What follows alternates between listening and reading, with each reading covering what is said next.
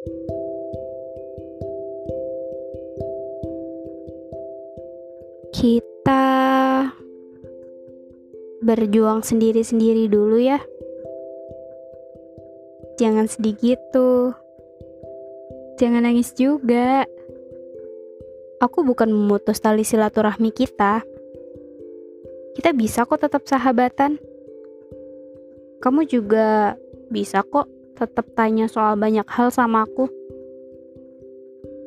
Aku juga pasti akan tetap cari kamu.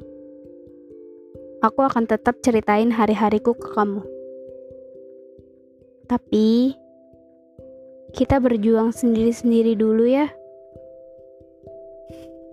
Kamu dengan cita-citamu, aku dengan mimpi-mimpiku. Sebetulnya bisa aja sih kita tetap sama-sama. Tapi aku khawatir. Aku akan menuntut banyak dari kamu. Dan aku khawatir tuntutan dariku akan membuat kamu sulit untuk membagi waktumu. Kamu bersama aku meraih cita-citamu akan semakin berat pedal yang kamu kayu. Bukan karena berat badanku loh ya. Aku akan memperlambatmu meraih apa pun yang kamu mau. Meskipun katamu aku selalu membantu. Come on, aku tak sejenius itu.